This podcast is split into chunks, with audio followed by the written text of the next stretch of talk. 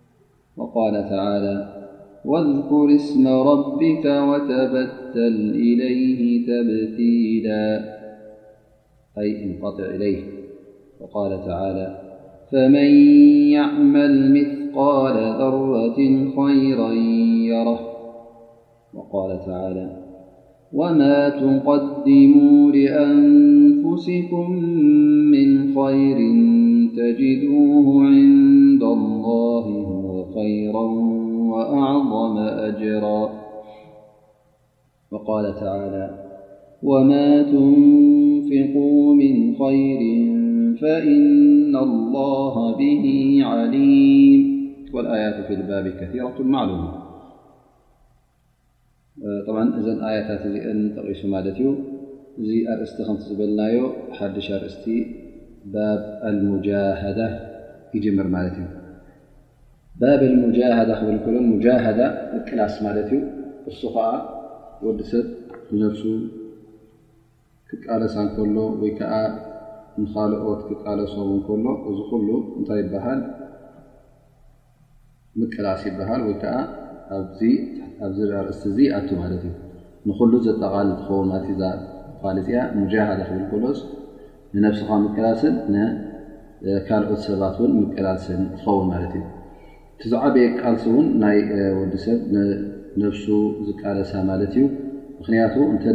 ንነብስኻ ዘይተቃለስካያ ኮይንካ ንካልኦት ክትቃለሶም ኣይትኽእልን ኢኻ ስለዚ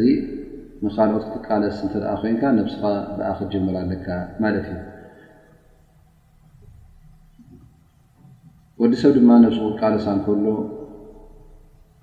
ክልተ ነገራት ንክልተ ነገራት እዩ ዝቃለስ ማለት እዩ። ቀዳማይ ነገር ምእዘዛ ኣላህ ስብሓን ወተዓላ ንምትግባርን እቲ ማዕስያ ድማ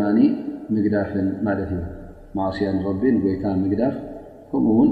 ዝበልናዮ እቲ ሰናያት እቲ ረቢ ዝኣዘዞ ፅቡቕ ነገራት ንዕኡ ምፍፃም ይኸውን ማለት እዩ። ጣዓ ክትገብር ከላ ነፍሲ ወይ ከዓ ፅቡቕ ነገር ክትገብር ከላ እዚ ነገር እዚ ስራሕ ስለ ዝኾነ ኩሉ ግዜ እታ ነፍሲ እውን ህክይቲ ስለ ዝኾነት ትደናጎ እያ ኣላ ስብሓን ወላ እንተ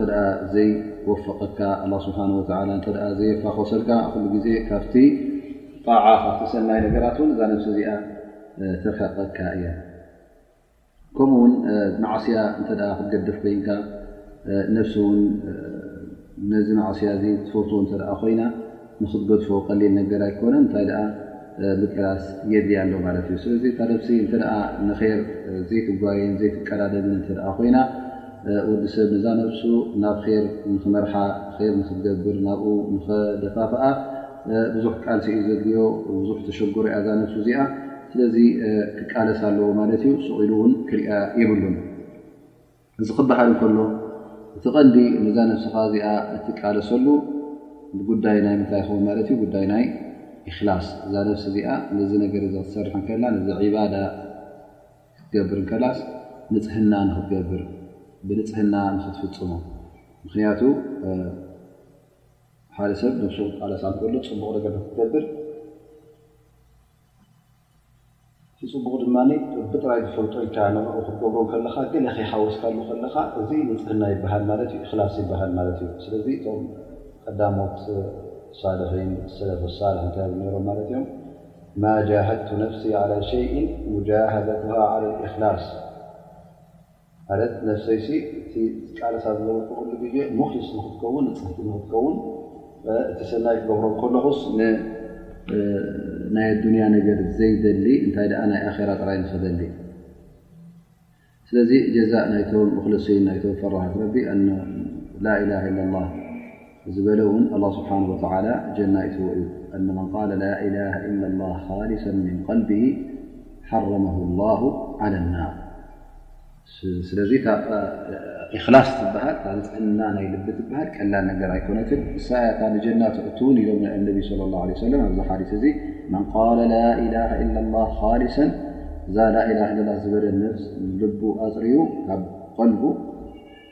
ኻሊሰን ምን ቀልቢሂ ሓረመሁ ላሁ ዓላ ናር ኣላ ስብሓን ወተዓላ ንጀሃንም ይሕርማ ማለት እዩ።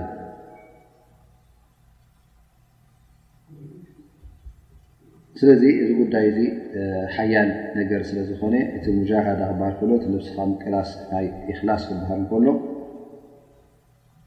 እዚ እዩ ኣ ወዲ ሰብ ሰናይ ክገብር እከሎ ወይ ከዓ እቲ ካብቲ ነገራት ዝፈትዎ ኣብ ልዑል ቦታ ንክኸውን ውሩይ ንክኸውን ኩሉ ሰብ ክፈትዎ ሉ ሰብ ከኽብሮ ሉ ሰብ ፅቡቅ ክሪኦ ይፈት ማለት እዩ እዚ ስለዚ እዚ ሰብኣይ እዚ ማሻ ላ ረል ዓህድ እዚ ሰብኣይ እዚ ማሻ ላ ፈራህ ረቢ እዩ ክብሉኻ ከለዉ ሕጂ ደስ ይብለካ እሞ እዚ ነገራት እዚ ኣብ ነብስኻ እንተ ዝስምዓካ ኮይኑ እቲ ኼር ትገብሮ ዘለኻ ሕጂ ይክእስ ንጽህና የብሉን ማለት እዩ ሸይጣን ድማ በዚ እዩ ደኣ ተኣታተወና ፅቡቕ ነገር እናገበርካ ካረኻ ዋላ ብሊላ ኢልካ ዝጀምርካዩ ግን ከም ገለ ገይሩ ሰብ ክመስግነካን ክውድሰካን እንተ ደስ ዝብለካ ኮይኑ ሕጂ ኣብዚ ሕጂ ሰብ ንክርእየልካ ትፈቱ ኣለኻ ማለት እዩ ወ ነቢ صለ ላه ለ ሰለም እንታይ ይብሉ መን ራኣ ራኣ ላሁ ብሂ ወመን ሰምዐ ሰምዐ ላሁ ብሂ ሰብ ንክርእየለይ ኢሉ ዝሰረሐ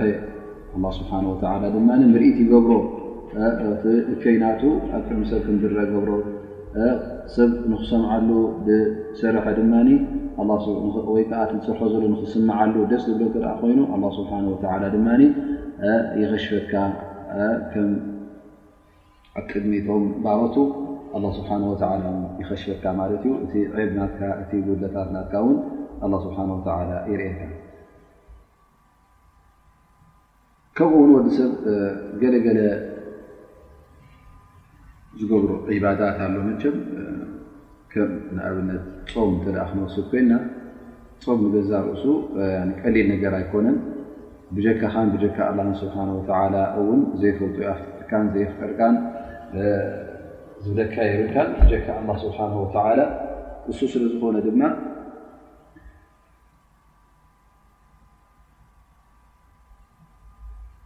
ኣላህ ስብሓን ወተዓላ ንፆም ናይ ሮሞዳን እውን ካብቲ ቀንድታት ገይርዎ ማለት እዩ እሞ እዚ ፆም እዚ እውን ንገለ ሰባት ይኸብዶም እዩ ንገለ ሰባት ድማ ይሸግሮም ስለዝኾነ እንታይ የድልየካ ማለት እዩ ነዛ ነብሲ እዚኣ ክትቃለሳ ኣለካ ሙጃሃደ የድልየካ ኣለዎ ብዙሕ ነገራት ዘጋግዩ ክትረክብ ኢኻ ብዙሕ ነገራት ዝለመትካዮ ክትገድፍ ኣለካ እዚ ድማ ቀሊል ኣይኮነን ሓደ ሰብ ሙሉእ ዓመት ሓደ ዓይነት ስርዓት ናይ መግብን ናይ ኣካይዳን ሒዙ ኸይድ ነይሩ መፅኢ ወርሒ ሮሞዳን ኩሉ ክገድፍ እንከሎ እዚ ሕጂ እቲ ከምቲ ሓይሊ ኢማንካ ነዛ ነብስኻ እዚኣ ምቅላስ የድልያ ማለት እዩ ገለ ሰባት ሮሞዳን ክመፅእ እንከሎ ከምዚ ኣብ ዝባኖም እዚ ዘይበሃል ጎቦ ተሰከሙ እዩ ዝመስሎም ማለት እዩ ምክንያቱ ከም ከቢድ ገይሮም ስለ ዝርእይዎ እንተ ከምዚ ዓይነት ክብደት ኮይኑ ዝስምዓካ ድማ እንታይ የድልየካ ኣሎ ማለት እዩ እታ ኢማንካ ምብርታዕ ምቅላስ የድልያ ኣሎ ማለት እዩ እዛ ነብሲ እዚኣ እንታይ ለሚዳ ማለት እዩ ዕረፍትን ዕረፍትን እቲ ናይ ዒባዳ ውሕደትን ስለ ዝለመደት እዛ ነብሲ እዚኣ ክትቃለሳ የድልየካ ማለት እዩ ከምኡ ውን ሰላት ክበሃል እንከሎ ሕጂ ሰላት ውን ሓሙሽተ ፈርዲ ክትሰግድ እንከለኻ ቀሊል ነገር ኣይኮነን ሰብኣይ እንተ ኮይኑ ጀማዓ ግዴታ ኣብ መስጊድ ከይዶ ክሰግዶ ኣለዎ እሞኒ እዚ ሰለዋት እዚ እተደጋገመ ብለይትን መዓልትን ዝስራሕ ምስ ገለገለ ስራሓትካ ዝገራጨወካ ምስ ገለገለ ረብሓታትካ ዝገራጨወካ ሰዓታት ንኩሉ ገዲፍካ ክትሰግድ ስለ ዝኾነ እዚ ሕጂ እንታይ የድልየካ ማለት እዩ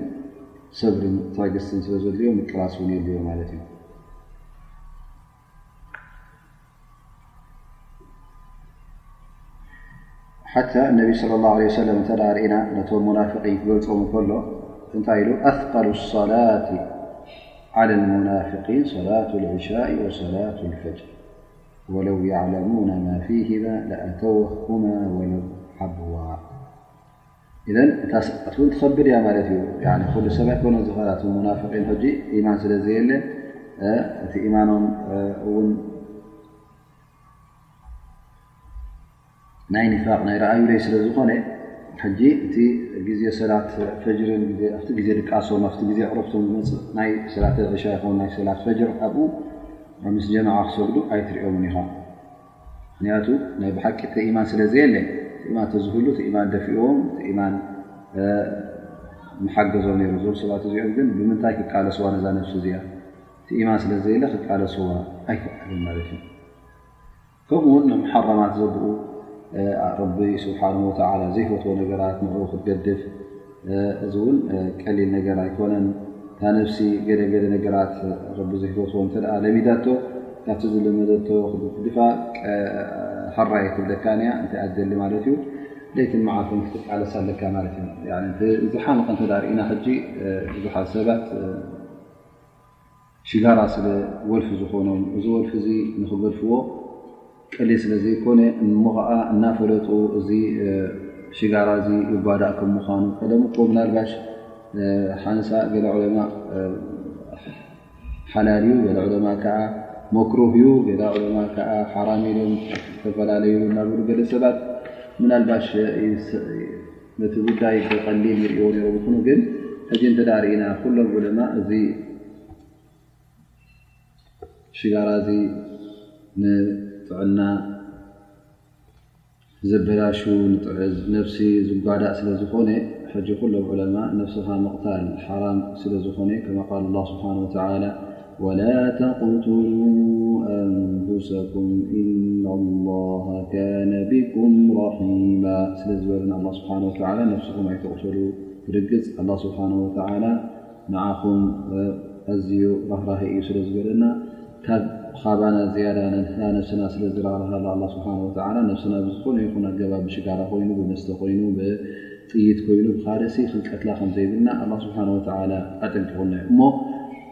ሕጂ እቲ ጉድኣት ናይ ሽጋራና ብሳይንስ ይኹን ብካልእ ነገራት ብኩሉ ተፈሊጡን ተወሪሩን ከሎ ገለ ሰባት ነዛ ነገር እዚኣ ልምዶም ስለዝኾነት ስለዝለመድዋ ክገድፍዋ ዓብዪ ጎቦን ዓብዪ ፀድፍን ኮይና ትረኣዮም ማለት እዩ። ስለዚ ነዛ ነገር እዚኣ ክገድፍዋ ቀልጢፎም ኣይኮኑን እንታይ ደኣ የድልዮም ማለት እዩ ግዴታ ነዛ ነብሶም ክቃለስዋ ኣለዎም ቀሊል ነገር ኣይኮነን እዚ ነገር እዚ እቲ ሓራም ንኽገድፉ እዛ ነብሲ እዚኣ እውን ቃልሲ የድልያ ኣሎ ማለት እዩ ክቃለሳ እንከሎ ድማ ኩሉ እቲ ካብኡ ዘርሕቆ ነገራት ካብቲ ረቢ ዘይፈትዎ ነገራት ካብቶም ብፆት እቲ ሙሽክላ ሓደሓደ ግዜ ትሽግር ሓደ ሰብ ንገለ ክገት እተ ኮይኑ ኣዕሩኽ እተ ኣለዎ ኮይኖም እቶም መዘናግዕቱን እቶም ኮፍ መባህልቱን እተ ነዚ ነገር እዚ ዘዘውትሩን ዝፍጽሙን ኮይኖም ንኽገድፍዎ ዕድል ኣይረክብን ማለት እዩ። ላኪን እንተ ርሒቑ ካብኦም እንተ ምስኦም ኮፍ ዘይበለ ክርስዖ ይኽእል ማለት እዩ። ስለዚ እንተ ካብ ሓደ ሓራም ነገር ክትቁጠብ ክትርሕቕ ደሊኻስ እቲ ቦታ ሓራም ትገብርሉ ዝነበርካ ወይ ከኣ እቶም ዘተባብዑኻ ሰባት ዝነበሩ ወይ ከኣ ምሳኻ ነዚ ነገር እዚ ዝፍጽሙ ዝነበሩ ካብኦም ክትርሕቕ ኣለካ። ምክንያቱ እቲ ሃዋሁ ኩሉ እንተ ካብኡ ዘይረሓቕካ መሊስካ ናብቲ እንደገና ክትወድቕ ስለ ዝኾንካ እዚ እዩ።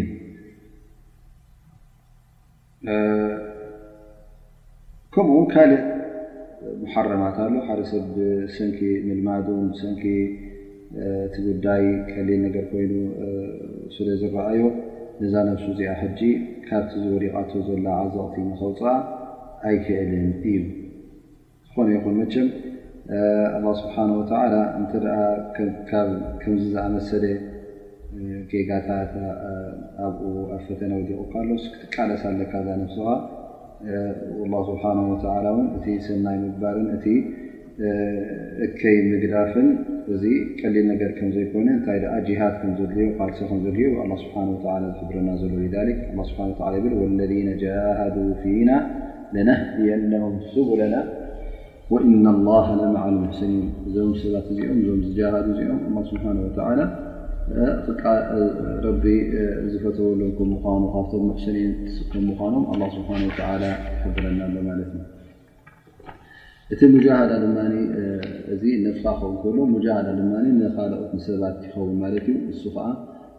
ክልተ ዓይነት ሙጃሃድ ኣሎ ማለት እዩ። እቲ ሓደ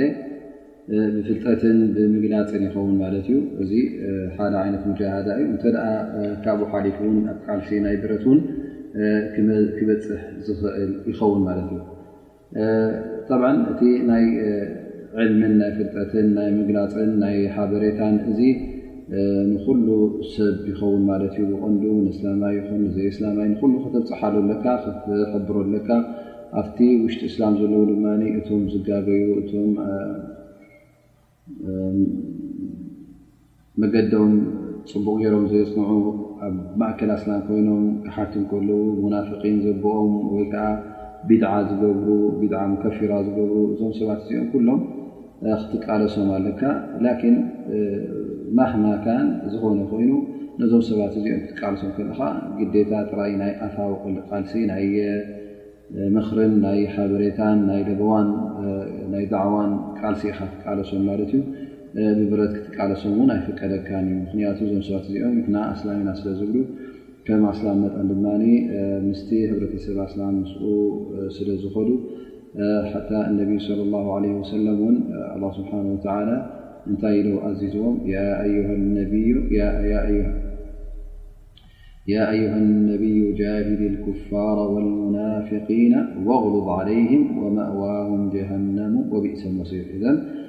እቶም ካሓድቲ ይኹኑ እቶም ኩፋር እቶም መናፍቒን ኩሎም ጅሃድ የድልዮም ማለት እዩ ላኪን ዝተፈላለየ እቶም መናፍቒን ኣብ ናይ ምስኦም ኩናት ኣይክፈትን እዩ ክትዋግኦም ውን ኣይከኣልን እዩ ምክንያቱ ሙናፍቒን ወላ ይኹኑ እናፈለጥካዮም እንከለኻ እዞም ሰባት እዚኦም ብመልሓሶም ንሕና ሓደ ኢና ኣስላም ኢና ኣቦካ ስለ ዘለዉ ካብኡ ውን ላዕሊ ክትቀፅዖም ኣይትኽእልን ኢኻ ነብዩ ሰለ ላሁ ዓለይሂ ወሰለም ኣብ ማእከል እቶም ብጾቱ ኣብ ማእከል እቶም ኣስሓቡ ሙናፍቒን ከም ዝነበሩ ይፈልጦም ነይሩ። መን መን ከም ምዃኖም እውን ይፈልጦም ነይሩ። ግን እሶም ንሕና ኣስላም ኢና ንሰግድ ኢና ንጸውም ኢና ኢሎም ዝሰግዱን ዝጸውሙን ስለ ዝነበሩ ነብዩ ሰለ ላሁ ዓለይሂ ወሰለም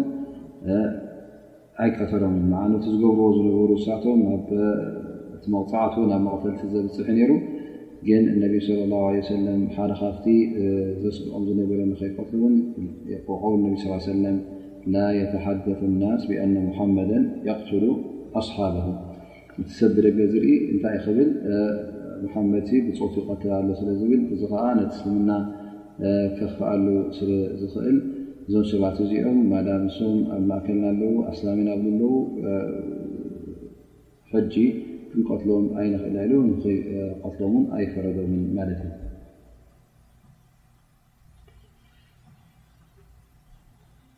ስለዚ እዚ ስለ ዝኾነ እቲ ነቶም ሙናፍቒን ከመይ ጌርካ ዳዕዋ ከም ትገብረሎም ከመይ ጌርካ ከም ትቃለሶም እዚ ናይ ነቢና ሙሓመድ ስ ላ ሰለም ሓበሬታ